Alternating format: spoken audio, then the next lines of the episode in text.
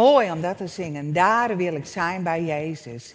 En wat is het geweldig om vanmorgen ook te weten dat uh, Jezus, dat, dat God het centrum is van, uh, ja, van onze bijeenkomst. En ja, ik besefte dat zelf nog meer als je het muziekteam er niet is. Je bent zo gewend dat dingen op een bepaalde manier gaan. En dat zie je meenemen in aanbidding. Maar uiteindelijk gaat het om onze eer die wij aan God willen geven. En dat kunnen we doen op heel veel manieren. Maar het geweldige dat het uh, op deze manier toch uh, helemaal uh, ja, mogelijk is om dat te doen. Nou, vandaag is de tweede preek in de serie van Ontdek je door God gegeven gaven. En die preken zijn naar aanleiding, of die komen eigenlijk voort uit dit boek. Ontdek je door God gegeven gaven van Don en Katie Fortune. We hebben er al uh, meer over verteld. Vorige week hebben we de eerste preek gehad over de waarnemer. En als je er meer van wilt weten, is het ook uh, heel goed om het uh, boek te lezen, om het door te nemen. Want het verlangen van ons is dat we ontdekken welke gaven God aan ons gegeven heeft. En dat we daar ook in gaan bewegen. En dat we als gemeente ook elkaar de ruimte geven om daarin te bewegen. Het boek is ook te lenen in de bibliotheek, dus uh, ook dat is een optie als je het zelf niet aan kunt schaffen, om het uh, één of twee weken van de bibliotheek te, le te, lenen. En dit thema ontdek je door God gegeven gaven, dat past ook in, de, in het thema wat wij dit jaar hebben, samen zijn. En het gaat het eerste kwartaal vooral over het zijn. Wie ben jij? Wat heeft God aan jou gegeven? Waarin mag jij groeien? En dat is uh, op deze, deze studies over ontdek je gaven, dat is gebaseerd op de motivatiegaven in Romeinen 12. Romeinen 12, vers 6 tot 8. En die wil ik uh, ook deze zondag, daar wil ik mee beginnen. Want we hebben allemaal, dus Romeinen 12, vanaf vers 6 tot 8. We hebben allemaal verschillende gaven, onderscheiden naar de genade die ons geschonken is. Wie de gave heeft te profiteren, moet die in overeenstemming met het geloof gebruiken. Wie de gave heeft bijstand te verlenen, moet bijstand verlenen. Wie de gave heeft te onderwijzen, moet onderwijzen. Wie de gave heeft te troosten, moet troosten. Wie uitdeelt, moet dat zonder bijbedoeling doen. Wie leiding geeft, moet dat doen met volle inzet. Wie barmhartig is, moet daarin blijmoedig zijn. Nou, in dit tekstgedeelte wordt het woord troosten genoemd. Er staat, wie de gave heeft te troosten, moet troosten. In de Bijbel komen we heel weinig het woord bemoediging voor. Het was mooi dat Antje net iets voorlas waarin het woord bemoediging ook genoemd werd in de Bijbeltekst. Maar veel vaker wordt in de Bijbel gesproken over troosten. En troosten, ja, dat is een woord wat wij zelf uh, vooral kennen bij verdriet. Want dan heb je troost nodig. En bemoedigen geeft eigenlijk nog veel meer aan. Uh, in bemoedigen zit ook uh, elkaar aanwakkeren, elkaar aansporen, de ander opbeuren. Dus daarom wordt ook door, hè, door dit boek het woord bemoediger gebruikt. Nou, Gods woord is vol bemoediging. De Bijbel is een levend woord, het is krachtig. En, en de Bijbel kan als geen ander ons bemoedigen. En ik wil één tekst als voorbeeld lezen uit Jesaja 41, vers 10. En er staat, wees niet bang, want ik ben bij je. Vrees niet, want ik ben je God. Ik zal je sterken, ik zal je helpen, je steunen met mijn onoverwinnelijke rechterhand. Wat is dat een geweldige tekst? Wat kan dat een bemoediging zijn? Dat je weet, ik ben niet alleen. God is bij mij. Waar je ook staat, waar je doorheen gaat, wat voor je ligt. God is bij je. Zijn heilrijke hand is op jou. En je mag samen met hem mag je het leven aangaan. Nou, in bemoediging zit ook het woord moed. En, en door bemoediging heen mag je de andere moed inspreken. Mag je hoop uitspreken voor de ander. En aanwakkeren wat al aan iemand, in iemand aanwezig is. En de kracht van bemoediging is groot, maar de kracht van ontmoediging is nog veel groter. Eén negatief woord onthoud je veel sterker dan een positief woord. En tegenover één ontmoediging heb je zeven woorden van bemoediging nodig. Dus een oproep aan ons allemaal is: wees een, een iemand die een bemoediger is. En eh, we gaan het zo meteen hebben over de gaven van bemoediging. En tegelijkertijd geeft ons God ons allemaal een rol om de ander te bemoedigen. En zeker niet om de ander te ontmoedigen. Er is al zoveel negativiteit om ons heen. Laten wij woorden van hoop, van leven, het goede uitspreken over het andere. Laten wij bemoediging doorgeven met elkaar. Nou, we kunnen daarin heel veel van God leren. In de Vader, de Zoon en de Geest is bemoediging. Vader God troost ons. Zoals een moeder iemand kan troosten. Dat is onze Vader God. En we lezen van Jezus dat Hij bewogen is met het verdriet. Als Lazarus gestorven is. Nee, Lazarus niet. Nou zeg ik een verkeerde naam volgens mij. Ja, is wel goed. ik heb het er niet bij staan, komt in mijn gedachten. Maar daar staat dat Jezus bewogen is. En Jezus is gekomen om de treurenden te troosten. En dan de Heilige Geest. De Heilige Geest wordt ook de trooster genoemd. Hij is de raadsman. Hij wil raad geven en hij wil bemoediging geven. En waar de geest van God is, dan kan een cultuur van bemoediging ontstaan. Want in God, en daar waar Gods geest is, is geen ruimte voor negativiteit. Hij is de bemoediger en hij wil ja, het mooie in de ander aanwakkeren. Nou, toch heeft God ook heel specifiek mensen een gave van bemoediging gegeven. Waarin het eigenlijk verder gaat dan elkaar een bemoedigend woord toe te spreken. Waarin God echt die gave in je gelegd heeft. En God heeft ons allemaal uniek gemaakt. En heel verschillend. En wat is dat mooi. Vorige week hebben we over de waarnemer gehoord. En we gaan over de bestuurder horen. Over de dienaar, de gever, de leraar. Maar vanmorgen de bemoediger. Wat is het mooi als God jou daarin geroepen heeft. Dat je daarin groeien mag. Dat je je daar verder in ontwikkelen mag. Zelf heb ik heel lang gedacht dat je dat God het vooral van jou vraagt om die dingen te doen die niet bij jou passen. Dingen die moeilijk zijn. want ja, dat, dat is, dacht ik, hoe God is. Niet de dingen die, die al in je liggen. Maar ik heb ontdekt dat dat een leugen was. En dat je juist de dingen die God in je gelegd heeft, dat je je daarin ontwikkelen mag. Dat je daarin mag groeien. Vorige week zei Willem ook, het mag sterker worden wat al in jou is. Want als jij iets wat zwak is, als je daar je energie in steekt, dan wordt alles zwakker. Maar iets wat God al ingelegd heeft, daar mag je mee aan de gang gaan en dat mag sterker worden.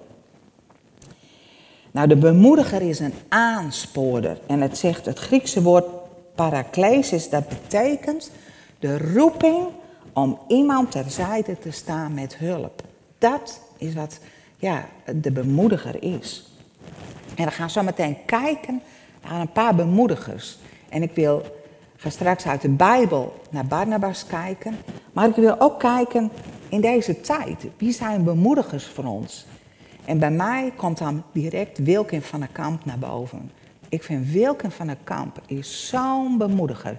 In de, in de boeken die hij schrijft, in de filmpjes die hij maakt. Hoe hij aan, ons doorgeeft hoe God naar ons kijkt. Hij is zo vol liefde. Ik, ik zag een filmpje waarin stond dat God dus op zoek is naar ieder van ons wat van Hem zichtbaar is in jou. En dat hij daarop wil aanhaken. Nou, Wilkin is echt, door God wordt hij gebruikt om een bemoediger te zijn in, uh, in, ons, uh, in ons land. Hij is ook bezig met de eenheid onder kerken. Zo'n bemoediger. Iemand anders uh, die voor mij eruit springt is Gerry Velema. Die is begonnen met de bemoedigingssite. Eigenlijk heel bijzonder. Gerry Velema was best wel een begenadigd schrijfster. Een aantal boeken geschreven. Maar God riep haar twaalf jaar geleden om te stoppen met schrijven. Of tenminste op dat moment te stoppen. Ze is later wel iets weer doorgegaan. En om te starten met een bemoedigingssite. Nou, ze had niet heel veel verstand van techniek. En in die tijd, we hadden de coronaperiode nog niet gehad dat we allemaal online dingen deden. Dus het was nog niet zo gewoon. Maar zij is begonnen met die bemoedigingssite. En wat een zegen wordt daardoor verspreid. Elke week, al twaalf jaar lang, komt daar een bemoediging op te staan. En via de mail kan je het ontvangen, via de website kan je het uh, lezen. En uh, ik vond het heel mooi wat zij als doel hebben. De bemoedigingssite is een platform voor ieder mens die honger heeft naar goede woorden, bemoediging, vertroosting, verkwikking van de ziel of versterking van het gemoed. Wat mooi dat, dat, dat zij dat van God ontvangen heeft en daar vormen heeft gegeven en het is gegroeid. Zo bijzonder. Gerry Velema als bemoediger. Maar ik uh, heb ook heel dichtbij gekeken in onze gemeente. En wie voor mij zo eruit springt als bemoediger, dat is uh, Kobe Groen. Het is heel bijzonder. Ze is zelf heel gevoelig voor uh, bemoediging. En God heeft haar echt geroepen om een bemoediger te zijn. God heeft haar daarin geraakt, tot haar gesproken. En zij beweegt er nu in om, om te zien wat God van haar vraagt, om een bemoediger te zijn voor anderen. Nou, het was de bedoeling dat ze daarover vanmorgen een getuigenis uh, zou geven. Maar ze is helaas ook door ziekte geveld. Maar het getuigenis, in welke vorm dan ook, dat, dat houden jullie uh, te goed. Echt een bemoediger in ons uh, midden. En nu gaan we kijken naar Barnabas. En we gaan een aantal tekstgedeelten lezen, kun je vast opzoeken uit Handelingen. We beginnen zo met Handelingen 4 vanaf vers 32. Eh, en dat is de tijd dat de gemeente aan het groeien is. De uitstorting van de Heilige Geest is er geweest. En er is een geweldige beweging van God gaande in, uh, ja, in, in Jeruzalem en in, in uh, het volk Israël. En dan lezen we hoe de gemeente gaat groeien. En hoe ze bij elkaar komen en samen optrekken. Nou, we gaan ervan lezen vanaf vers 32 en dan gaan we ook Barnabas ontmoeten. Allen die tot geloof gekomen waren, leefden eendrachtig samen. Geen van hen beschouwde zijn bezittingen als zijn persoonlijk eigendom, want ze hadden alles gemeenschappelijk. De apostelen bleven met grote kracht getuigen van de opstanding van de Heer Jezus. En God begunstigde allen rijkelijk. Niemand onder hen leed gebrek. Wie een stuk grond of een huis bezat, verkocht het en bracht de opbrengst naar de apostelen. En legde die aan hun voeten neer, waarna het geld naar behoefte onder de gelovigen werd verdeeld.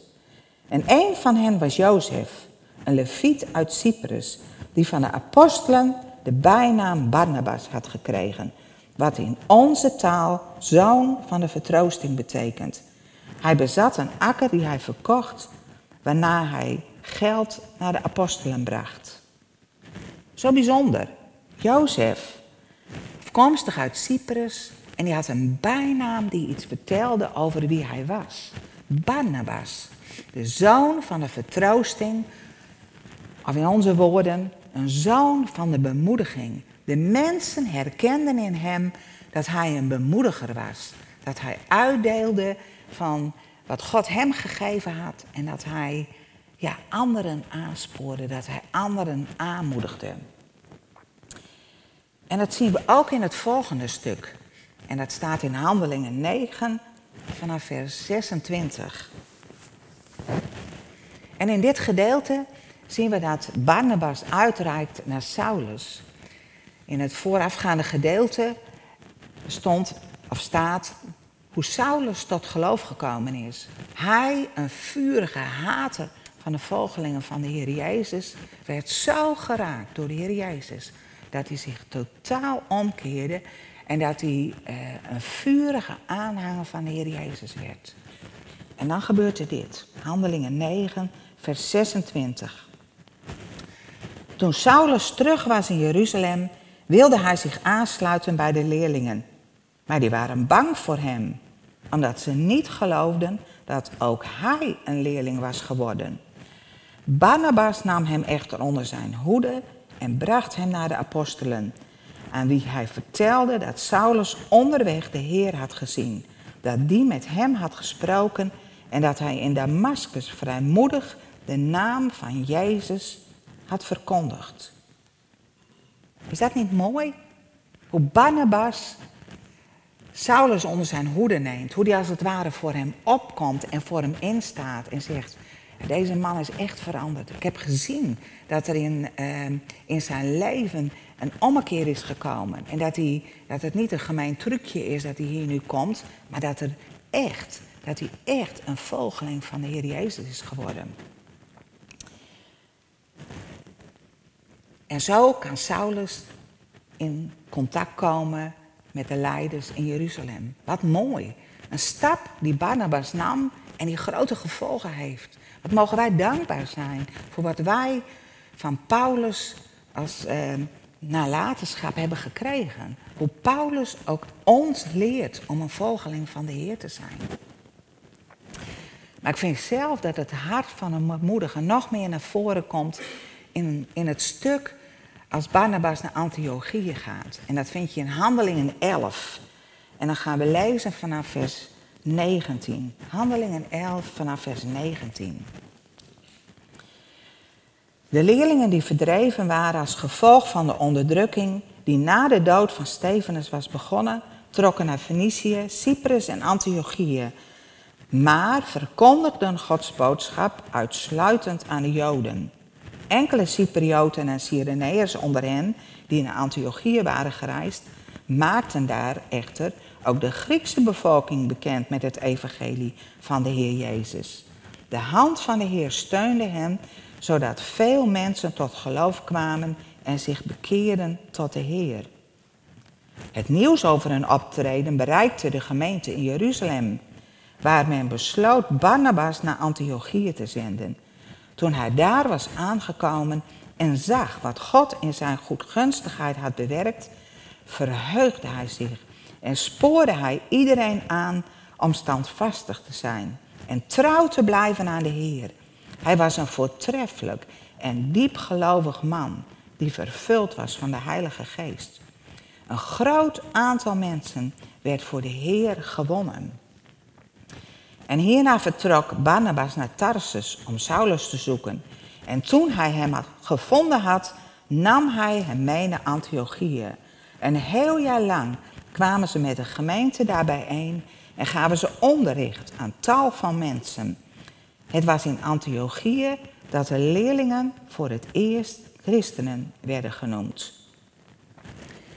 Nadat Stefanus gestenigd is en er verdrukking is, gaan de gelovigen naar andere streken toe, omdat, omdat daar veiligheid is om het evangelie bekend te maken. Maar we lezen hierin dat ze het evangelie alleen bekend maken aan de Joden. Daar richten zij zich op. De kerk van de Heer Jezus is op dat moment nog een Joodse kerk. Maar in dit gedeelte, bij Handelingen 11, is al een verandering gaande in uh, het hoofdstuk uh, 10, Handelingen 10, kun je lezen hoe Petrus door de Heer geroepen is om naar een Romeins hoofdman te gaan, Cornelius. En hoe hij geroepen is om daar het evangelie bekend te maken. En nu worden ook opnieuw heidenen geraakt door het evangelie. Grieken, die gaan geloven in de Heer Jezus. Nou, dit nieuws, dat bereikt ook de leiders in Jeruzalem. En zij nemen een heel wijs besluit. Ze sturen Barnabas, een diep geloof. Ach, Barnabas. Wat zeg ik nu? Ja, Barnabas wel. Een diepgelovig man. Die sturen zij naar Antiochië toe. En als hij daar aankomt, wat ziet hij daar dan? Dan ziet hij de goedheid van de Heer.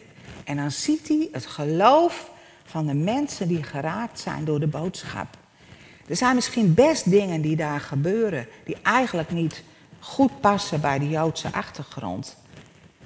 Maar daar richt Barnabas zich niet om. Hij begint niet met van, nou, nu zijn jullie tot geloof gekomen, maar nou wil ik jullie eerst even vertellen hoe de Joodse leer is en wat jullie allemaal moeten gaan doen, waar je je aan moet houden.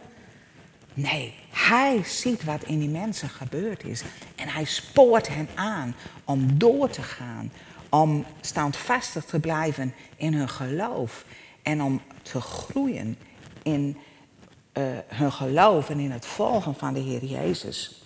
En het is zo mooi, Barnabas, dat is een, uh, een Jood. En die, uh, hij, hij is tegelijk ook een, iemand die uit Cyprus komt. En hij spreekt de taal en hij kent de mensen ook waar hij tegen spreekt. En Barnabas weet ook dat de mensen meer nodig hebben. Dat ze wel onderwijs nodig hebben. En dan gaat hij op zoek naar Saulus. Hij weet dat Saulus doordrongen is en helemaal de wetten en de, en het, uh, de, de, Bijbel door en door kent. En je leest dit zo in één stukje achter elkaar door in een paar teksten. Maar je moet je voorstellen, er was geen uh, WhatsApp en geen mail, ook geen telefoon. Wat moet dat een tijd geduurd hebben voordat eerste leiders in Jeruzalem gehoord hebben wat er in Antiochië gebeurd is? Toen ging Barnabas, die ging daarheen en dan is hij daar. En dan gaat hij op zoek naar Saulus. In Tarsus moet hij weer op reis gaan. Gaat hij naar uh, Tarsus toe, daar vindt hij Paulus. En Paulus is bereid om met hem mee te gaan en hij gaat weer terug naar Antiochië. En daar geven zij een jaar lang onderwijs, zodat de mensen een fundament krijgen en verder mogen groeien in hun geloof. En hier zie je een verandering die in Handelingen 10 eigenlijk al begonnen is, die gaat hierdoor. De Joodse kerk wordt een wereldkerk. De Heer Jezus heeft gezegd, deel het uit over de hele wereld. Geef de boodschap door, dichtbij en veraf. Heel mooi dat Henk en Joke hier zijn. Die gaan letterlijk ver weg naar Burkina Faso om het daar te delen. En via hun televisieprogramma's bereikt hun nieuws weer hele omgeving daar in Afrika. Wij mogen het hier doen op onze plek, welke mogelijkheden God je maar gegeven heeft. Maar in Antiochië worden de volgelingen van de Heer Jezus voor het eerst christenen genoemd. Een doorbraak in de geschiedenis van de kerk. En Barnabas is een bijzonder man, vol van Gods geest. En God werkt van binnen in hem en dat komt naar buiten. En hij ziet in mensen dingen die anderen misschien nog niet zien. En hoe komt dat? Hij kijkt met Gods ogen. Hij, door de Heilige Geest weet hij wat God voor iemand heeft. En hij spreekt dat uit en hij moedigt hen aan om daarin door te gaan. Hij wil dat mensen tot bloei komen. Dat is echt het hart van de bemoediger. Dat mensen tot, tot groei komen. Dat dat in hen zit, als het ware tevoorschijn komt. Dat je hen aanwakkert. Nou, in het boek, daar wil ik uh, nog een aantal dingen ter afsluiting over zeggen. Daar worden een aantal kenmerken van een gave van een bemoediger genoemd. En een aantal valkuilen. Nou, een van de kenmerken is een bemoediger die houdt ervan om anderen aan te moedigen tot een overwinnend leven. De bemoediger die wil dat de ander groeit in zijn geloof, dat dat versterkt wordt. Nou, dat zagen we al bij Barnabas, maar dat is wat een bemoediger graag wil. En een bemoediger die richt zich ook op het werken met mensen. Dat vindt een bemoediger fijn. Die wil uitreiken naar mensen. Hij moedigt anderen aan om hun eigen bedieningen te ontwikkelen. Dat is ook de bemoediger. Die ziet misschien iets in iemand, misschien een leraar, of misschien een, een, een, eh, een, bestuurder. En die zegt, goh, ga ermee aan de gang, ik zie het in jou. Neem die stap. Weet je, elke eerste stap is moeilijk. Vooral als je een nieuw terrein moet gaan innemen. En wat is het dan mooi als er een bemoediger is die zegt... ga die stap nemen. Doe dat. Weet je, een bemoediger die houdt het niet voor zich. Ook in de christenwereld heb je best wel dat mensen zeggen, nou dit is mijn stukje, dat moet ik verdedigen. Maar een, wat is het mooi om elkaar de ruimte te geven en elkaar juist aan te wakkeren in de bediening die God de ander gegeven heeft. Dat willen we als gemeente ook leren. Nou, een bemoediger speelt daar een grote rol in. volgende kenmerk is ook iets heel moois. Een bemoediger accepteert mensen zonder hen te veroordelen. Dus een bemoediger, dat, ik denk dat dat komt omdat hij vanuit Gods hart kijkt naar de anderen. Dus dan kijk je niet altijd naar het gedrag of wat je zo ziet. Maar dan zie je als het ware van, goh, wat heeft God in diegene gelegd? Ik vind dat bij Wilkin van der Kamp ook heel sterk hoe hij dat uh, uitspreekt.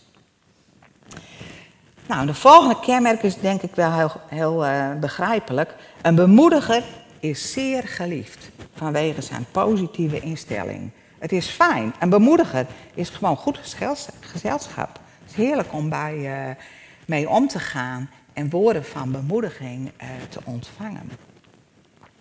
En een bemoediger, nog een kenmerk, die getuigt liever met zijn leven dan met zijn woorden. Je hoeft helemaal niet op een hiervoor te staan, maar die wil vooral laten in, in zijn leven ik moest eraan denken, ook de bemoedigingen, dus het ware het bloed wat door je heen stroomt en wat in hoe jij bent, dat je dat gaat uitdelen naar mensen die je tegenkomt. nou, dan zijn, wil ik ook een paar valkuilen noemen van de bemoediger. Een bemoediger die heeft soms zo zijn, zijn mening of zijn uh, advies voor iemand al klaar dat hij de andere haast niet uit laat praten, maar dat hij daar gelijk al mee begint. Dus dat hij iemand in de reden valt, omdat hij vooral wil vertellen van uh, uh, nou, wat, wat diegene zou helpen om stappen te gaan zetten. Een andere valkuil is dat je de Bijbel buiten de context gebruikt om iets duidelijk te maken. je onderzoekt de Bijbel niet, niet door en door voor je iets deelt, maar je denkt, hey, dat heeft mij bemoedigd. Dat is een hele mooie tekst. Nou, die geef ik door eh, aan iemand anders. En misschien is die tekst wel heel anders bedoeld, zo is het in dat gedeelte staat. Maar de bemoediger die vindt vooral het bemoedigen belangrijk en die maakt zich niet zo heel druk om de context eh, die erin staat. Andere valkuil is dat hij misschien te kant-en-klaar is in zijn volgeschreven actieplan. In het boek staat ook een mooi voorbeeld. Een bemoediger die heeft een gesprek met iemand en die geeft heel concreet aan van nou dan moet je eerst dit gaan doen en dan dat en dan dat en dan dat. Ja, dat kan goed zijn, maar dat is niet altijd goed. Dus dat is ook een valkuil van de bemoediger. De bemoediger, ik vind het een hele mooie gave. Ik, vind ook, uh, ik vond het zelf ook heel mooi om in het leven van Barnabas te duiken en meer te ontdekken van wie Barnabas is en hoe hij een bemoediger is in de periode waarin hij leeft. En wil jij meer ontdekken of die gave van bemoediger in je is, dan raad ik je echt aan om uh, dit uh, boek te lezen. En ook om, uh, hey, je kan van Willem Boersma ook een Excel bestand krijgen en dan kun je de vragen ook beantwoorden. En dan krijg je inzicht van welke gave heb ik nou heel sterk en welke heb ik wat minder, zodat je je daarin kunt gaan bewegen. Iets anders wat ook heel mooi is, is om elkaar ook aan te moedigen, om te vertellen, hey, dat zie ik ook in jou. Dus als jij, misschien heb jij hier iemand die hier vanmorgen is en dat je denkt, hey, daarin zie ik ook de gave van bemoediging. Spreek het dan eens uit naar die ander. Of uh, straks onder de koffie, of, of, stuur eens een kaartje om dat te vertellen. Of uh, via een mailtje of een appje om dat door te geven. We mogen elkaar ook aanwakkeren om ja, te stappen in de gave die God aan ons gegeven heeft. Nou, we gaan ook zo avondmaal vieren. En ik ga even naar beneden om daarin verder te gaan.